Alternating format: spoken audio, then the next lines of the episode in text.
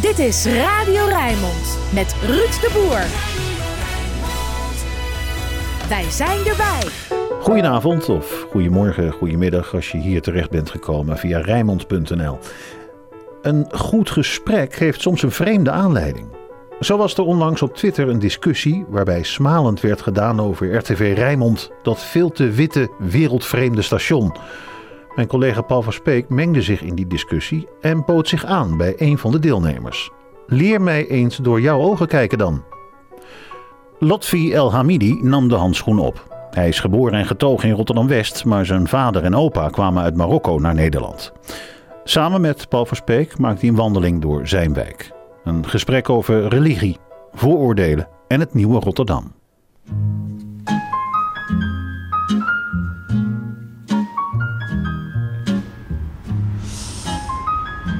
Oké, Lotfi. Um, witte wildvreemde man meldt zich op, uh, op het Maternesseplein. Ik zou bijna zeggen jouw Maternesseplein. Mijn Maternesseplein, zeker. Ja.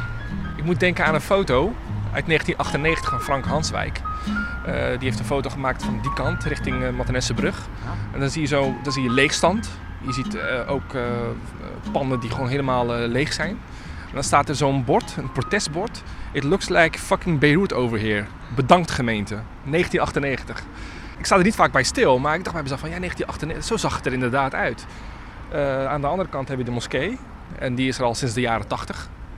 Ook een typisch voorbeeld van de gevolgen van migratie die permanent is geworden. De, de mensen die hier naartoe zijn gekomen zijn gevestigden geworden. Dat zie je ook in deze wijk. En uh, er is veel veranderd sinds 1998. En dat vind ik wel heel, heel bijzonder. Dus er is veel veranderd in de zin dat het beter is geworden hier. Mm -hmm. En tegelijkertijd zijn er heel veel dingen ook hetzelfde gebleven. En jij bent hier opgegroeid in deze omgeving? Opgegroeid. Ja, in deze omgeving, op de grens van uh, Nieuw-Westen-Spangen.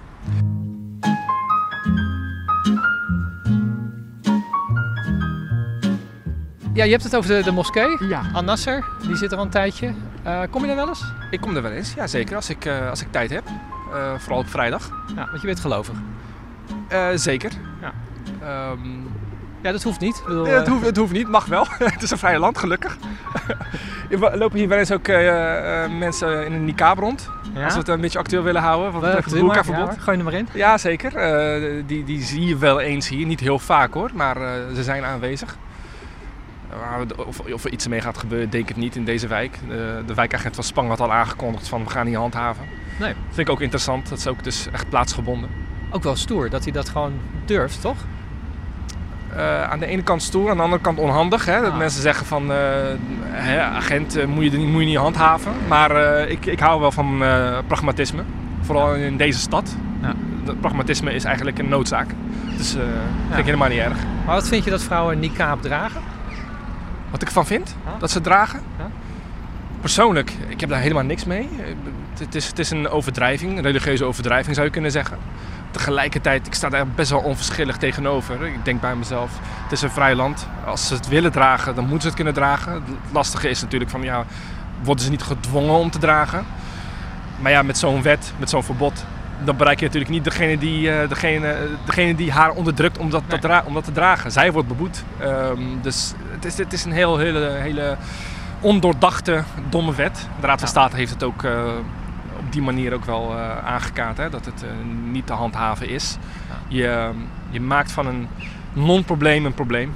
En uh, ja, daar schiet je niks mee op. Vooral niet in deze wijk trouwens. Ja. Maar je kent wel vrouwen, spreekt vrouwen die het dragen? Ja, vanwege mijn journalistieke achtergrond heb ik wel contacten inderdaad met vrouwen die dat dragen. Ik wilde daar een verhaal over maken. Uiteindelijk toch niet gedaan. Um, omdat andere mensen, andere collega's mee aan de slag gingen.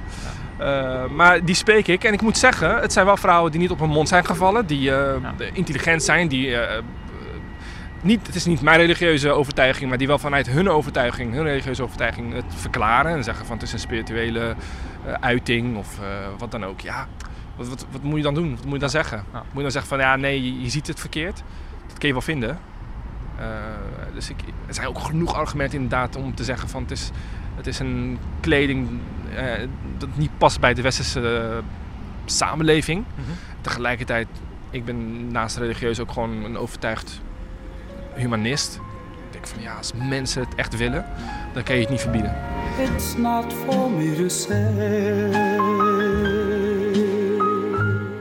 Voor mij is het moeilijker, denk ik, om ze te spreken te krijgen dan voor jou. En dan komen we even bij het thema waarmee we begonnen. Uh, Ja. Jij hebt op Twitter, hè, het was een, was een discussie met een aantal mensen. Toen ging het ook over TV Rijnmond. Uh, ja, dat is een wereldvreemde redactie. Daar zie je eigenlijk Ja. niet hoe divers uh, de wereld is. Dus toen zei ik, nou oké, okay, zullen we eens een keer gaan wandelen. En neem me mee naar een plek. Leg jij me eens uit hoe ik dan om me heen moet kijken. Hè, door Ja. jouw ogen. Of, of wat ik als witte man niet zie. Um, Nou, het is, niet, het is niet zo dat je als witte man dingen uh, per definitie niet ziet. nee? Uh, ik, denk, ik, ik, geloof, ik geloof zeker dat een witte journalist of een witte man, witte vrouw, uh, dezelfde dingen kan waarnemen als ik. Ja. Dat zou heel raar zijn als dat niet zou kunnen. Het gaat erom natuurlijk hoe je dat benadert of hoe je het ziet. En dat, dat, dat vind ik soms wereldvreemd. Niet alleen aan, aan de Rijnmond-redactie, maar aan heel veel uh, Ja. nieuwsredacties of mediaredacties in uh, Nederland. Ja. Ja, voorbeelden van, van, van wat is dan het wereldvreemde of wat, wat is de verkeerde invalshoek? Of... Nou, bijvoorbeeld uh, het simpele gegeven dat uh, we nog steeds praten over uh, nieuwkomers. Ja. en ik, ik, zei het net al over deze wijk. Ik bedoel, het zijn al gevestigden geworden. Ze zijn hier al soms al 50 jaar. En dan hebben we het over de derde, vierde generatie. En ik denk van, het blijft een hele vreemde benadering om te zeggen van... jij nieuwkomer, jij met een andere achtergrond. Ik Ja. denk van, nee, het, het, zijn, het zijn mensen die bij uitstek Rotterdammers... dus dat is, dat is een voorbeeld van hoe sommige artikelen beginnen of hoe sommige items beginnen. Altijd weer inderdaad een. Uh, uh, daar hebben ze een eenling gevonden en iemand met een niqab. En dan wordt dat als achtergrond gebruikt van Ja, hoe ja. de integratie is gefaald. Ja. Nou, ik denk van, nou, dat zijn uitzonderingen, weet je wel. Er is, er is meer gaande in zo'n wijk. Meer, er, is, er is creativiteit gaande, er is uh, ontwikkeling gaande. De, zoals ik al zei, 1998 is heel veel veranderd. De, de, het, het, het, de mobiliteit is gestegen. Uh, er is een nieuwe middenklasse ontstaan hier in deze wijk. Dus dat zijn dingen die, die tenminste dat constateer ik, het is geen verwijt, die niet gezien worden. Dus ja, uh, laten we lopen. Ik zou zeggen van, uh, ik kan zo een mooi voorbeeld laten zien aan de Vierambachstraat bijvoorbeeld. Ja. ja. Ik zie daar bijvoorbeeld een winkeltje, Zdilek, huishoudelijke artikelen. Een soort, soort mini-bazaar. Ja. Ja. Dat, het, kijken, dan lopen we gewoon even naartoe. Dat zijn van die dingen die je in, uh, laten we zeggen, typische migrantenwijken ziet. Uh, Zo'n zo winkel met uh, Leica Mobile. Oh, okay. ja, dat zijn van die dingen. Hè, dat mensen dus nog steeds contact, contacten hebben met het land van, uh, van herkomst. Of in ieder geval het land van de voorouders. En dan koop je vaak Libara of Leica. Dat, is, dat, zijn, Ja? van, ja, dat zijn van die dingen. Ja, ja. ja ik weet dat dus Dat- inderdaad je niet. dus Nee, nee. Dat, is, dat is een kenmerk van een, laten we zeggen, een wijk waar migratie plaatsvindt. Dat zie je ook in Rotterdam-Zuid heel erg met al die Poolse uh, arbeiders die natuurlijk allemaal. Leica of Libara hebben om dan uh, te bellen naar Polen. Ja, dit uh, is een soort mini-bazaar die, die je heel vaak ziet in, in, in landen als Turkije, Marokko, Iran. Voor, voor mij smaakt het natuurlijk veel te kitscherig, maar de, de, oudere migranten die vinden dat geweldig. Die, Ja? ja, die kopen hier altijd nog hun spullen. En, nou, je ziet het, genoeg gebedskleedjes voor de, voor de voorbijganger straks, als die uh, naar de moskee gaat voor het vrijdagmiddaggebed. Mocht hij er eentje nodig hebben. Ja. Um, nou, grote tassen en uh, tapijten en grote koffers. Het is, uh, het is vakantieperiode, dus mensen gaan naar Marokko of Turkije toe. Ja. Allemaal nodig. Ja. Dus dit is zo'n typische, ja, typische winkel zou je kunnen Ja. zeggen.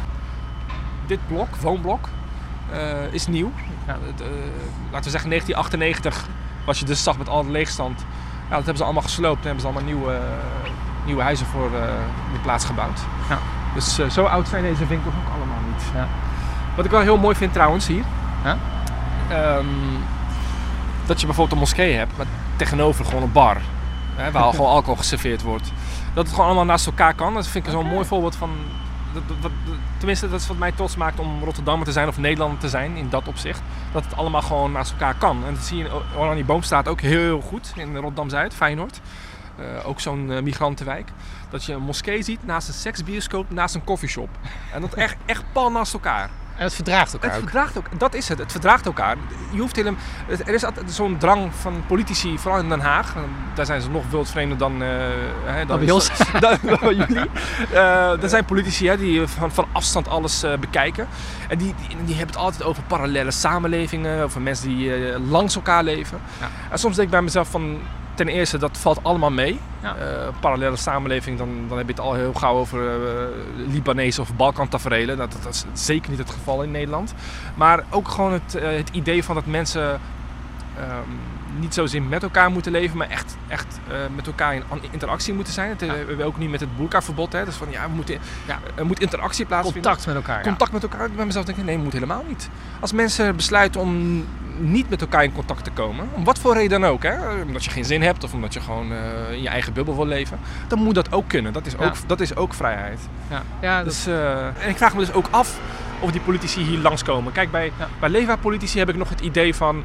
ehm, eh, die hebben voerspriet in de wijk. Die weten wat leeft. Die weten wat leeft vooral van één kant. Hè. Van, laten we zeggen, de autochtone Rotterdammer die zijn wijk heeft zien veranderen... en vaak slechter af is.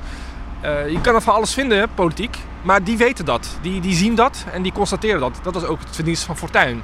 Fortuyn woonde ook dus in Feyenoord en uiteindelijk in Rotterdam-West. ja, die hier, zag- vlakbij. Ja. hier Ja. vlakbij, die zag het van dichtbij gebeuren. Of die, die, die zag de problemen, volgens hem dan problemen, die zag hij van dichtbij.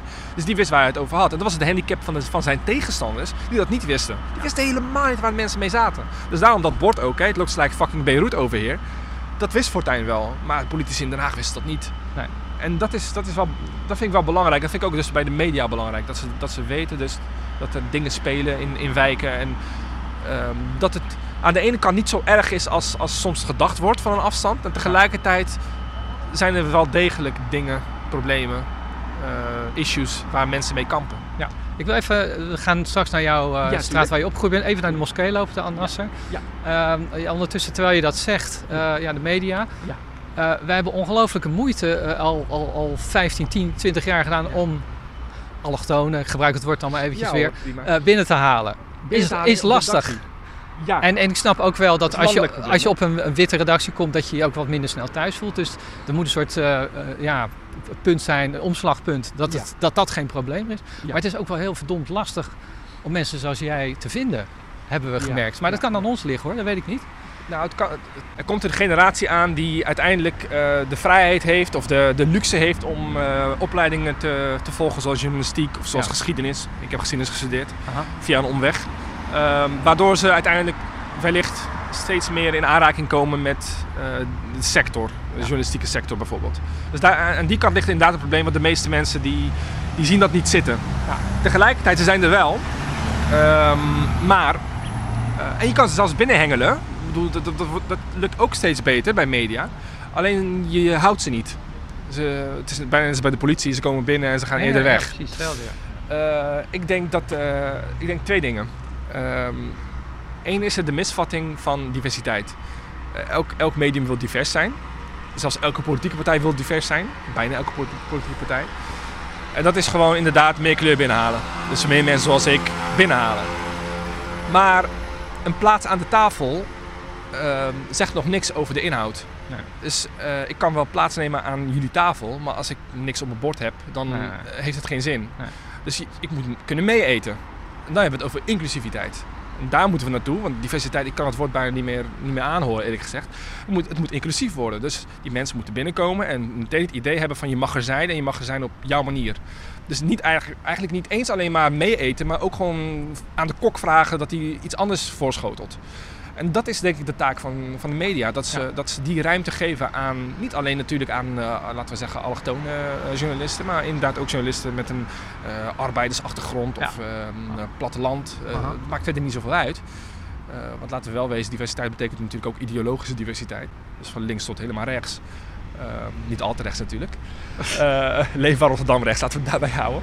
Ehm, dus die, die ideeën moeten er zijn. Moeten, en ja, het zou, het zou goed zijn dus als er journalisten zijn die eh, die ideeën kunnen traceren en eh, brood kunnen leggen. Ja. Dus dat is mijn idee in ieder geval. We staan voor de ingang van de Annas. eh, was, wat, eh, ja, als we Leeg dit- nog? Leeg nog. Als Ja. we dit opnemen is het op een vrijdag. Ja. Eh, dus ja, vrijdagmiddag gebed. En, en dan is die straks helemaal vol. Helemaal vol. Ehm, Even, even kijken, ja, ik weet niet of we naar binnen mogen. Battles, Goedemorgen.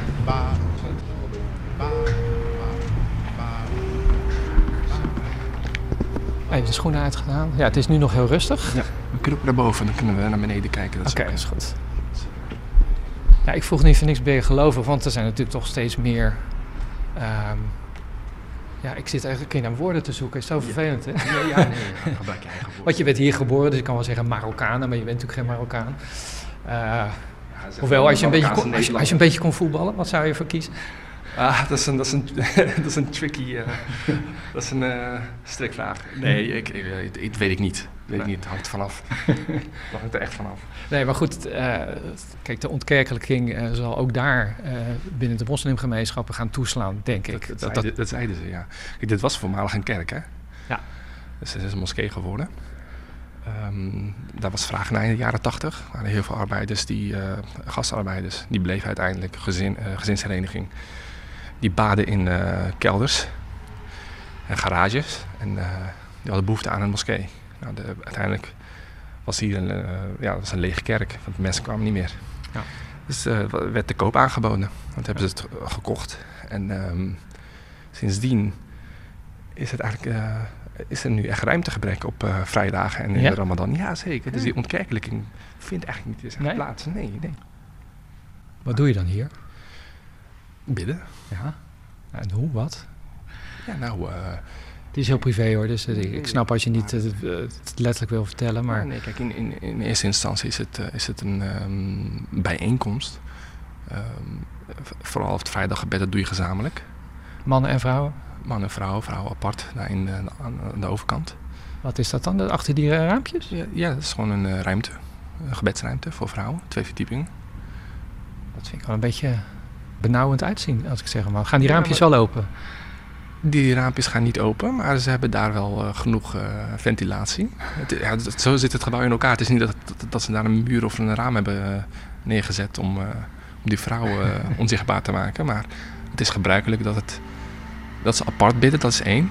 Maar niet dat ze onzichtbaar zijn. Als je verderop naar de Mevlana moskee gaat, dan is het gewoon een balkon. En dan zie je de vrouwen gewoon als je naar boven kijkt. Geen moeite mee? Nee, kijk, weet je, het is, het is gewoon praktisch. Eh, ik bedoel, bij zo'n gebed wordt er eh, gebogen en eh, geknield. Dus ja, Ja. een vrouw voor je is toch wel, het werkt afleidend waarschijnlijk. Dat is een, beetje, een beetje het idee. Dus dan wordt, wordt de geslachten gescheiden gehouden. Maar goed, dat is een oude traditie. Je kan er allerlei vraagtekens bij zetten, maar zo, zo gaat dat hier nog. Ja, Ja. oké. En je ziet nog de, de, glazen in lood hè, Ja. van de kerk. Wat voor soort kerk was het? Dat een protestantse kerk volgens mij. Ja, ja, ja. En eh, ja, dit als eh, voormalig katholieke jongen doet mij denken aan een rozenkrans. Gebedskaaltjes, ja. Ja. Het werkt op dezelfde manier inderdaad. Ja, een soort weesgroetjes die je dan, eh, die je dan doet. Een kraaltje per gebed. nou ja, ja, zoiets. Dat, en dat is natuurlijk ook, een, ook iets wat misschien media over het hoofd zien. Hè? De religiositeit van zulke wijken. Het gaat niet alleen maar over moskeeën, maar ook over Poolse kerken of ehm, hindoe-tempels. Eh, religie is nog springlevend in Rotterdam. Dat vind ik wel heel mooi, want Rotterdam is eigenlijk, als je er, als je er naar kijkt, is het best wel een seculiere stad. Ja. Ehm, tegelijkertijd is het ook een hele religieuze stad. En inderdaad mensen die gewoon naast elkaar leven zonder problemen. Dat, dat maakt zo'n stad heel mooi, die religieuze diversiteit. Ik vind het geweldig dat er een Rotterdam zijt op steenworp afstand een Pakistaanse moskee is en een hindoe-tempel. Dat dat hier kan. En dat het elders in de wereld dus niet kan. Ja. Dat er niet een soort klein Kashmir in eh, Nee. Rotterdam. Nee, nee, nee, gelukkig niet. Nee. Dus, eh, Kan je dit lezen? Is dat ik- ik kan- Arabisch? Ik kan dat lezen, ja, ja, het is, eh, is Arabisch. Het zijn, gewoon, eh, het zijn gewoon heilige teksten. Ja, Maar wat staat er? ja er staat eh, Allahu Akbar bijvoorbeeld. Oh jee. Eh, ja, nee, ja. Dus dat Terwijl dat, ja, dat is... Dat is gewoon, dat is gewoon een normale, eh, Ja. een, een normale eh, bijna gebedsoproep. Maar grappig hè, je zegt Allahu Akbar en ik zeg meteen oh jee. ja. Dat is natuurlijk ook weer zo'n zo'n Het is perspectief. een reflex. Ja. Ja, onder andere door de media gecreëerd, toch? Eh, als je het maar vaak genoeg blijft herhalen in de context van, eh, van terreur en Ja. eh, radicalisme, dan, dan wordt het dus zo'n kreet. Ja. Allahu Akbar is ook ehm, het kun je echt voor, voor alles gebruiken. Dus ook bij een, bij een doelpunt van Messi bij Barcelona, dan hoor je dat de commentator dat roepen in het Arabisch, weet je wel. Het is, eh, het is voor iedereen. Het is een uiterst democratische uitspraak, eh eh, Allahu Akbar. Dus het is bijna een soort, ehm, oh mijn god, zeg maar. Weet je Ja. wel, als er iets gebeurt of, Ja. eh, of een mooi doelpunt valt, hè. oh mijn god, wat een goal. In dat opzicht moet je het zien. Baro, baro, bottom. ميسي ميسي ميسي ميسي ميسي ميسي الله الله الله الله الله الله يا سلام يا ولد يا روعه يا رائع انت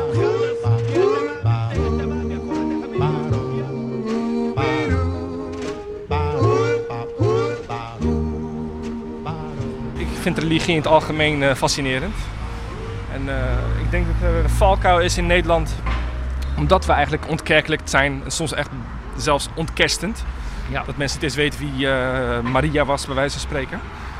Eh, dat je eigenlijk ja, bijna de wereld niet meer kan begrijpen. Nee. Want de rest van de wereld is niet ontkerkelijkt, is niet ontkerstend of hè, de, is niet onttoverd. En ja, dan mis je wel veel.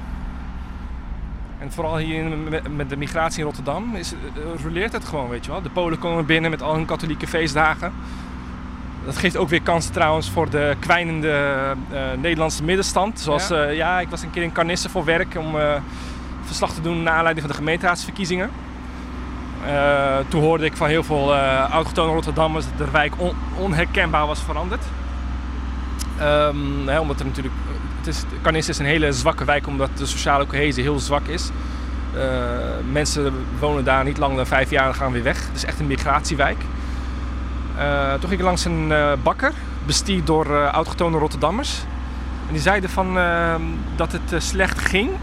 Maar sinds de Polen er zijn, dat het weer goed gaat. Omdat zij nog actief Pasen vieren, Goede Vrijdag en, en dat soort feestdagen, eh, Pinksteren.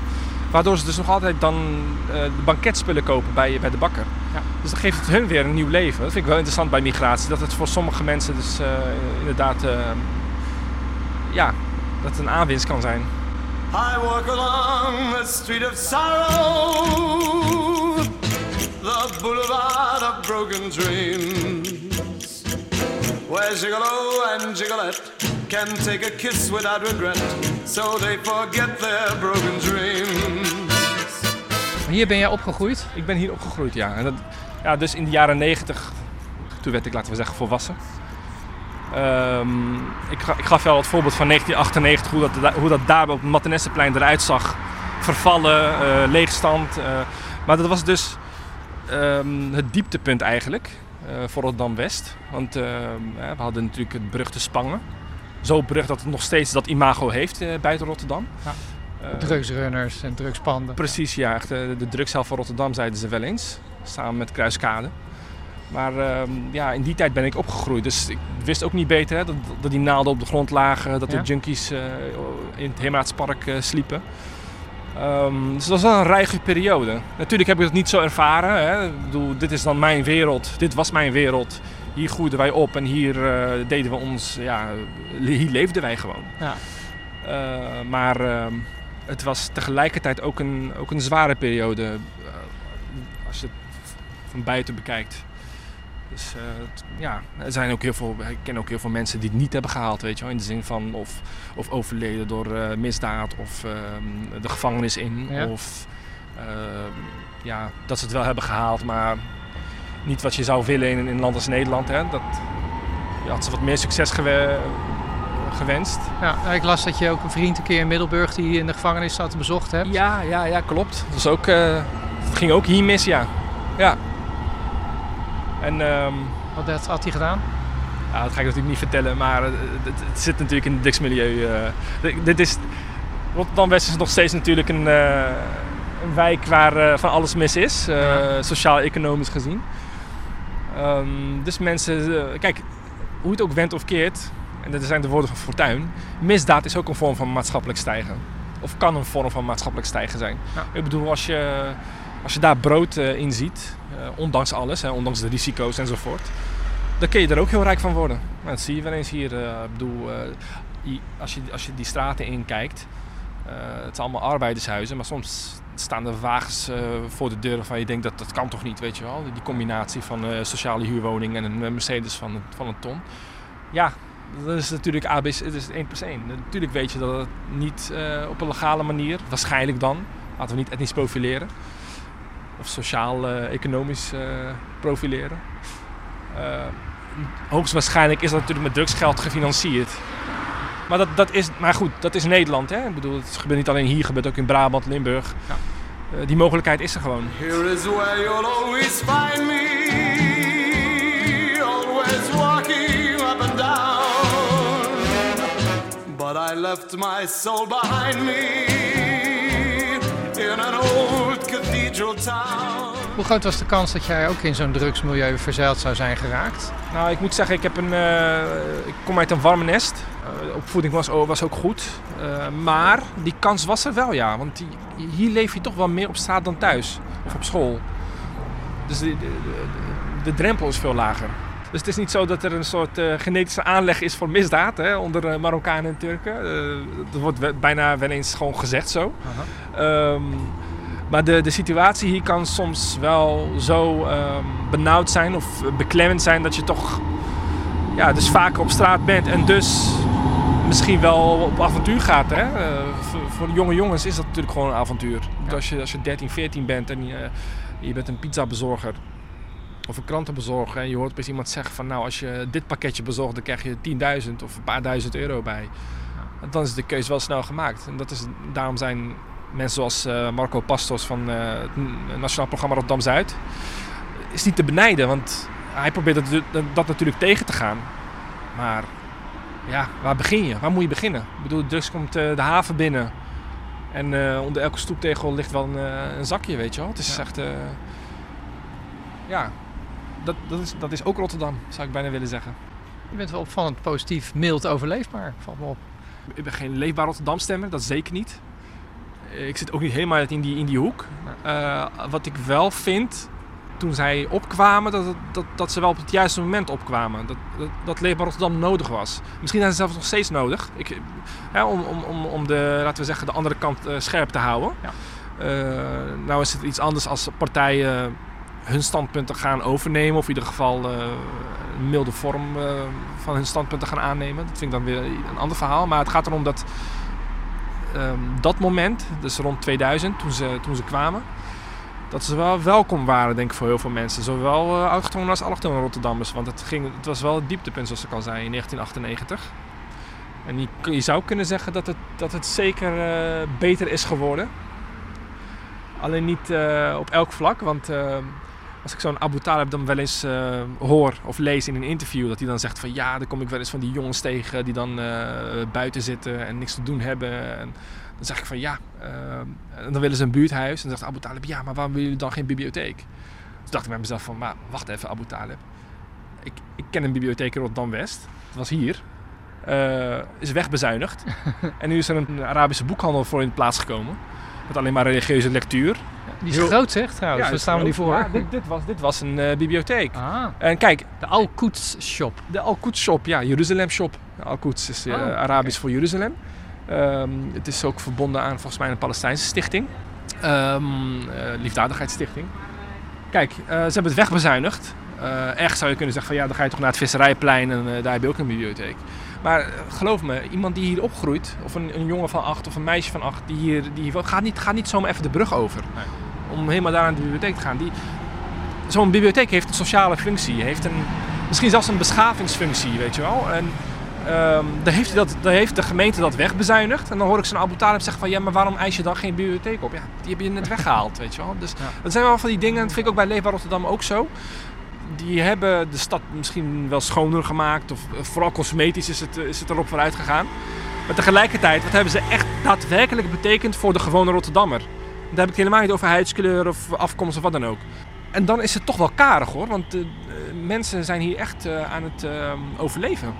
Uh, de, de, huurprijzen zijn omhoog, de voorzieningen zijn wegbezuinigd of zijn bijna onbetaalbaar geworden. Of, um, ja, het is, het, is, het is moeilijker eh, of lastiger om hier, eh, om hier te blijven. Om in de, in de wijken te blijven waar je dus al die tijd, hè, in de jaren 80 en 90... Kijk, toen had je de witte vlucht. Mensen die weg konden, gingen weg. Maar de mensen die niet weg konden, om wat voor reden dan ook of niet weg wilden... die zijn hier gebleven. Jaren 80, 90, jaren 0. De wijken gaan erop vooruit. Althans, cosmetisch. En dan opeens kun je je woning niet betalen omdat het gesloopt wordt uh, en uh, nieuwe woningen gebouwd moeten worden. En dan denk ik bij mezelf van ja, maar leefbaar Rotterdam. Ik dacht dat je voor de gewone Rotterdammer was. Mm -hmm. Dat opzicht vind ik dan wel weer, ja, ben ik wel uiterst kritisch op uh, leefbaar Rotterdam. Niet alleen op leefbaar trouwens hoor. De Partij van de Arbeid heeft er ook een handje in gehad. Want ze hebben ze, ja, het is een gezamenlijk, gezamenlijk idee geweest om wijken op te waarderen zoals dat heet. Ja. Um, maar ja, van wie waardeer je het op hè? Dat is een beetje de, de vraag, van wie is de stad? Daar hou ik me ook wel vaak bezig met werk. In mijn columns dan. Vind je van Abu Talib, ben je daar dan eh, als Marokkaan tussen aanhalingstekens wel trots op? Eh, niet, niet per se als Marokkaan, nee, helemaal Nee. niet. Ik ben, kijk, weet je, ik, ik zie mezelf als, eh, als, als Marokkaan van Rotterdamse afkomst, zou je kunnen zeggen. ik, eh, ik- Niet andersom? Nee, nee, niet andersom. Nee, Marokkaan zijn, dat is voor mij, dat is niets meer dan een toeval, weet je wel. Mijn ouders komen uit Marokko, eh, dus ik ben Marokkaan, weet je wel. Ja. Dat is een soort optelsom, maar dat- daar heb ik verder niet zoveel mee. Ik, eh, ik identificeer me heel erg met, met deze stad, ook met dit werelddeel. Ik ben hier eh, geboren, getogen, opgegroeid, opgevoed, eh, onderwezen. Eh, ik werk hier. Dus, ik, dus termen als Marokkaan, Turk en zo, dat, dat, is, dat is leuk als folklore, maar niet, niet ja, het is niet mijn vertrekpunt of zo. Het is niet zo van als Marokkaan zijnde kijk ik zo naar Abu Talib of kijk ik zo Nee, naar de toestanden in, in deze wijken. Nee, zo, zo bekijk ik het niet. Abu Talib bekijk ik gewoon als een Rotterdammer. Nou, eigenlijk kunnen we toch wel vaststellen dat, eh, dat hij waarschijnlijk wel een van de meest succesvolle, of in ieder geval een, van de beste burgemeesters van Rotterdam ooit is. Dat is ook niet zo verwonderlijk, omdat de lat bij hem veel hoger lag. Dus hij moet, dus weet je, met, met Obama destijds, Ja. hij, moet, hij moet bijna een heilige zijn om, om, om die credits te vangen. En dat is natuurlijk weer de andere kant van de medaille. Dat ik denk van waarom? Weet je wel? Waarom mag hij gewoon niet zijn wie hij is? Ik heb altijd het idee dat toch Abu Talib een, een, ehm, ja, hij heeft, hij heeft een rol aangenomen. En dat is, dat is de sheriff zijn van Rotterdam. Dat is ook niet zo verwonderlijk, want burgemeesters kunnen zich niet op een andere manier profileren, behalve op law and order. Dat is ook zijn beleidsterrein. Eh, en dat vind ik dan weer minder. Ik vind, ik vind Abu Talib dan daarom ook minder benaderbaar. Hij is wel benaderbaar hoor. Je kan hem eh, gerust bereiken, mailen en hij antwoordt ook nog eens. Ehm, dat zal waarschijnlijk bij andere burgemeesters veel minder zijn. Maar ehm, tegelijkertijd heb ik altijd het idee van bij Abu Talib zo'n grijze Marokkaanse ambtenaar die wel eens tegenkwam in het Marokkaanse consulaat. Weet je wel, echt zo heel technocratisch. En eh, ja, je moet, gewoon, je moet gewoon je papier in orde hebben, je moet gewoon doen en that's it. Terwijl ik denk van ja, wat meer empathie zou best wel op, is best wel op zijn plaats hoor. Daar heb ik het niet over. Ik twijfel niet aan zijn empathisch vermogen hoor. Maar Ja. ehm, ik bedoel, die jongens die in deze wijk opgroeien, die hebben inderdaad wel eens soms een, een, een eh, spreekwoordelijke tik op de vingers nodig. Mhm. Maar tegelijkertijd hebben ze ook gewoon liefde nodig. Alleen bij Abu Talib weet ik niet. Ik, ik merk dat gewoon niet. Veel minder. Ik, ik, ik voel het niet. Nee. Daarom ben ik ook heel erg voorstander van wellicht een, ja, voor, voor, de volgende keer dan, een vrouwelijke burgemeester. Een beetje een soort Merkel-burgemeester. Ja, dat zou ik wel eh, toejuichen, eerlijk gezegd. Ja, dat, ik, dat ik jou vraag, eh, ben je trots op Abu Talib, is van mijn kant ook misschien wel weer wat cliché denken. Ja, denk het wel. Eh, ja, oké. Ja, vind ik wel. Ja, Ik bedoel, maar- eh, maar- Bram Peper, die was ook mijn burgemeester. Ivo Opstelten was ook mijn burgemeester. Die bekijken niet als Marokkaan. Of, Ja. Ik zou het ook nog aan jou vragen van... Hoe vind jij het als Nederlander om... eh, hoe, Bram Peper het doet? Ja, Nee. dat, vraag je niet. Nee.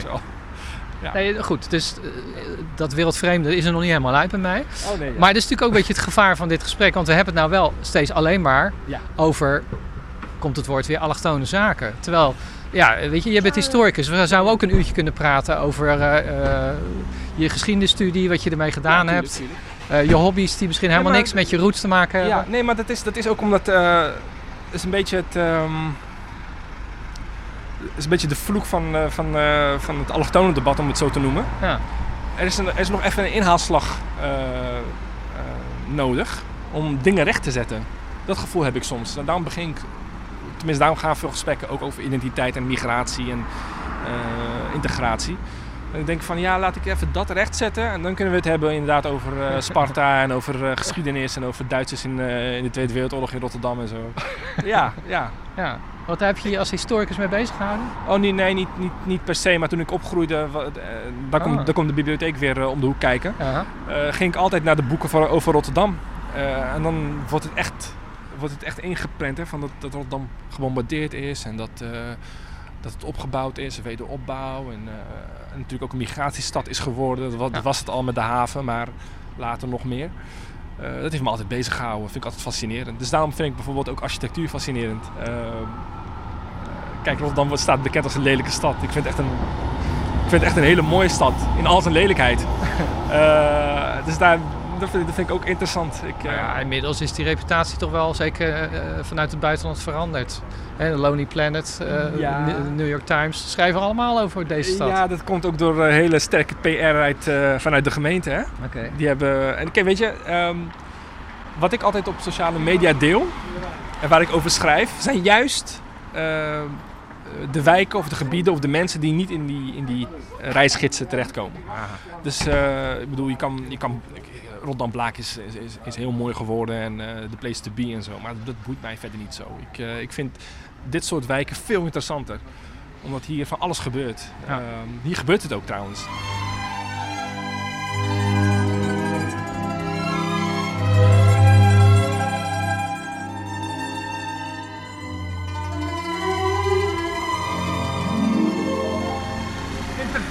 Ja, heeft hij wat te vertellen? Ja, natuurlijk. Wat dan? De beste man uit Rotterdam. Hij is zo bekend, zo beroemd. Hij is echt niet nodig. is goed, baba. U verkoopt groenten. Gaan de zaken goed? Helemaal slecht, jongen. Laatste, laatste vijf jaar die helemaal slecht. De grote, grote handel. Allemaal duur, allemaal duur. De kla- klanten voor onze klachten. En, eh, en verder. Het is moeilijk dus nu op dit moment. echt moeilijk. hoor. Je regering moet eh, grote handel moet, eh, controleren. Oké. Ja, daarna, ik weet het niet. Nee. U kan het niet zelf importeren wat goedkoper? Ja, ik ben kleine zaak, hoe moet ik importeren? Nee, gaat niet. grote maffia. Ik kan niet. nu, de groente, alle groenten en levensmiddelen, allemaal grote maffia. Wij, zijn een kleine, kleine zaak. Ja. Ik kan niet regelen. Nee. Hoe lang zit u hier al? 21 jaar deze straat. 21 jaar. De vier ambachtstraat, ja. Maar niks verdienen, maar eh, le- leven lekker. Ja? Ik ben bijna zes jaar niet vakantie geweest, vier jaar niet vakantie geweest. Ja, ik kan niet verdienen, ik kan niet sparen. Ik gun u zo een vakantie. Waar, waar zou u heen willen? Ja, ik- ik ben Turk, ik ben altijd naar Turkije. Maar eh, hoe moet ik vakantie, jongen? Geen sparen, hoe moet ik vakantie?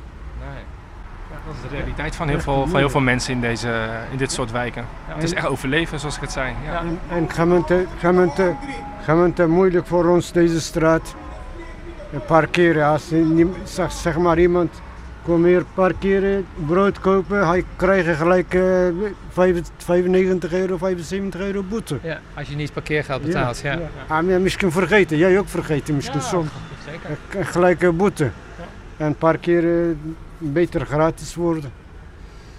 Dank Nou, ik hoop dat het gehoord is, dat ze er wat aan gaan doen. Dank u wel. Welke Fijne dag. hetzelfde.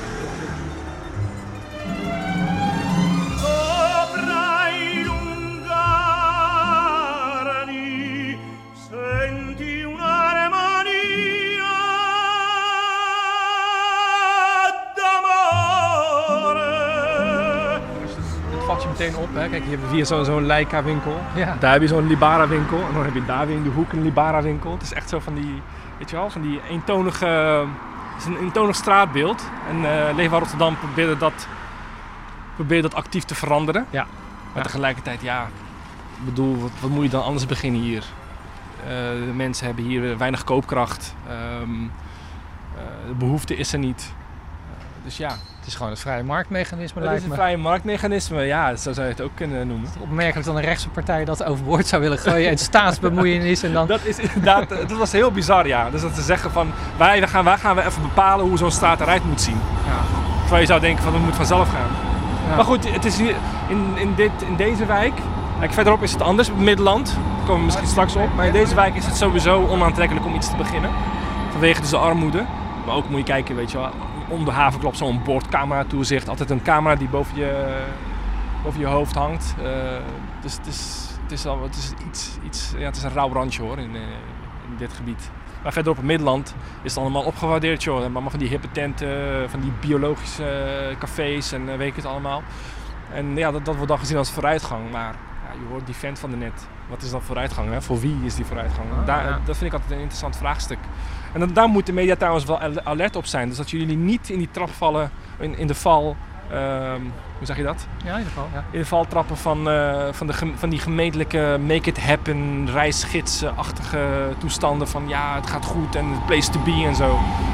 Je moet altijd iets verder van het centrum vandaan gaan. En dan moet je kijken hoe, hoe, hoe het eraan toe gaat, hoe, hoe het eruit ziet. Ja. En dan zie je gewoon dat er een, dat er een dat heeft Abu Talib heel vaak aangehaald, dat er een tweedeling plaatsvindt van mensen die het niet kunnen bijbenen. En de mensen die, eh, die makkelijk gewoon eh, aan de bak komen en eh, aan hun geld kunnen komen. En dat zie ik gewoon gebeuren. Ik kom uit deze wijk, ik woon hier niet meer, ik woon in Kralingen. Omdat ik, eh, ik moest trouwen en ik... eh, Je moest trouwens. ja, moest, ik, mo- ik moest niet trouwen. Maar eh, Uitgehuwelijkt? Nee, nee, nee, nee, zeker niet. Nee, ik, ging, ik ging trouwen en ik kreeg een gezin, dus ik, mo- ik moest ergens anders wonen. Dat, dat, dat wilde ik zeggen eigenlijk. Dus ik ben hier. Maar ik ben hier nog wel vaak hoor, want ik hier nog familieleden heb wonen en zo. En ik kan toch niet naar een andere moskee dan deze moskee. Nee? Ja, ik heb daar toch zo'n soort band mee. Ja, het is. Maar goed, ehm, dus ik kom wel eens terug en dan schrik ik wel eens als, als er weer een woonblok is neergehaald en er weer nieuwe woningen zijn gebouwd. Maar dan allemaal koopwoningen natuurlijk. Dus de mensen die daar voorheen woonden, die konden er niet meer terug. En dan denk ik bij mezelf van ja, hier, is iets aan de hand. Ja. Weet je wel? Van mensen die hier weggejaagd worden. En, Leefbaar Rotterdam had het altijd over ja, we geloven niet in de maakbaarheid van de samenleving. Maar uitgerekend zij zijn, zijn, zijn bezig met de maakbaarheid van Rotterdam. Ehm, dus dat vind ik altijd een beetje de, de paradox van, van Leefbaar. Aan de ene kant zijn ze voor de gewone Rotterdam, aan de andere kant zijn ze een stad aan het bouwen voor wie eigenlijk. En dat vind ik wel. Ja, Nou, niet alleen leefbaar hoor, ik, ik ben nu leefbaar aan het bashen, maar het is gewoon gemeentebreed. ehm, van links tot rechts.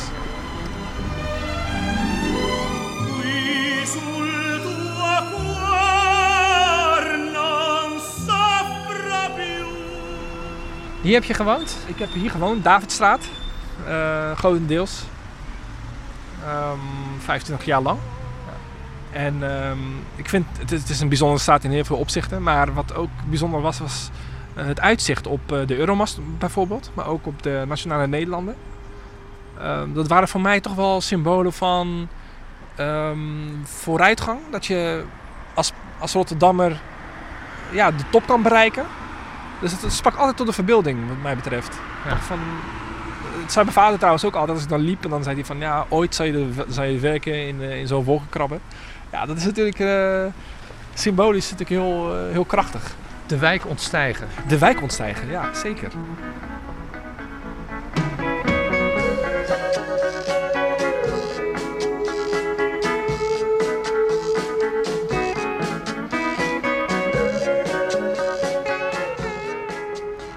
Kijken jouw eh, vroegere vrienden uit deze buurt tegen de historicus, opiniemaker, NRC-columnist? Ze zijn, eh, ze zijn eh, trots, uit, zeggen. Kra uit Kralingen, Kralingen jawel. tegenwoordig. Nee, ze zijn trots. Dat, dat is een beetje, dat is echt, dat is het mooie aan deze wijk. Ze gunnen, je, ze gunnen je de wereld.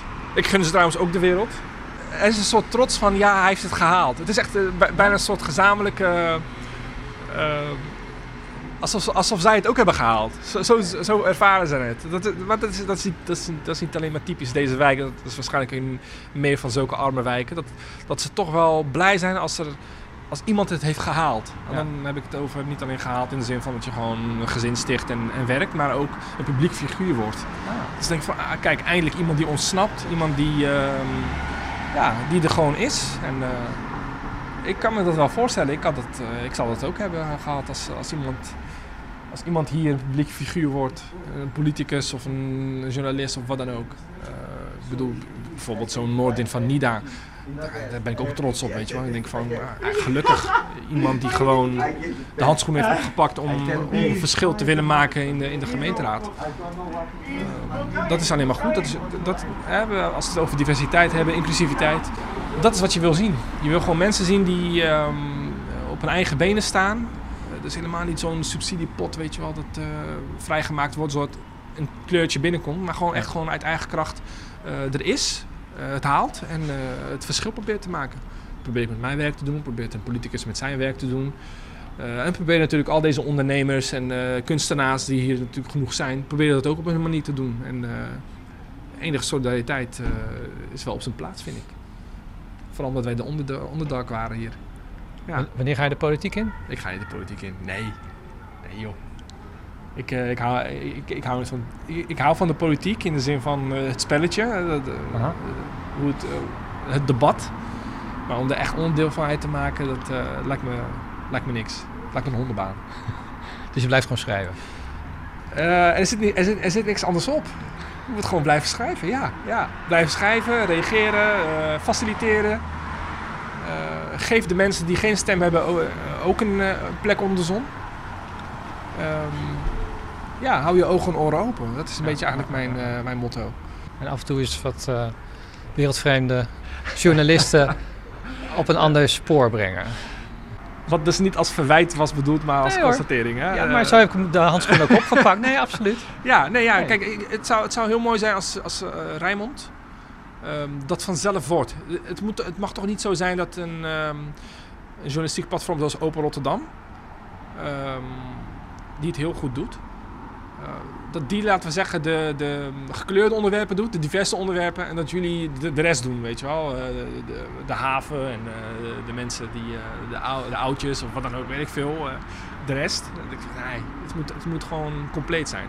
Nou, ik zit heel veel in de rechtszaal en dan kom ik heel veel allochtonen tegen hoor. Helaas, helaas wel.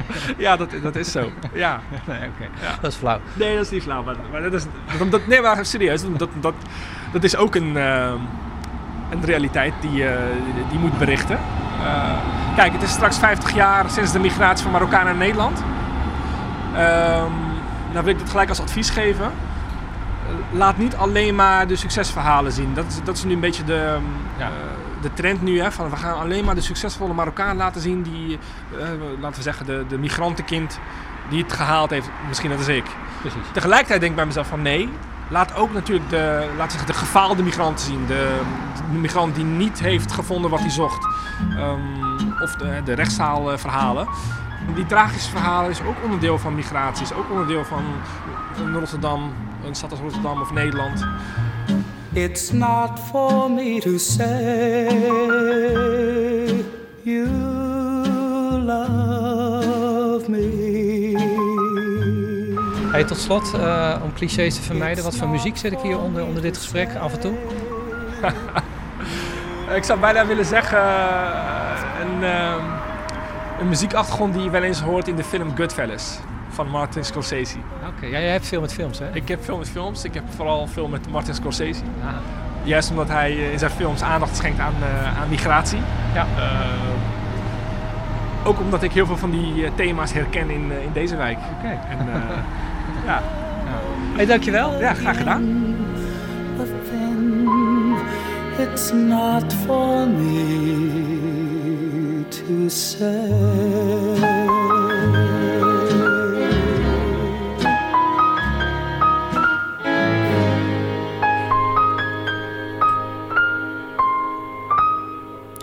It's Not For Me To Say, het laatste nummer. En net als alle andere muziek in het afgelopen uur afkomstig van de soundtrack van de film Goodfellas. Een van de lievelingsfilms van Lotfi El Hamidi.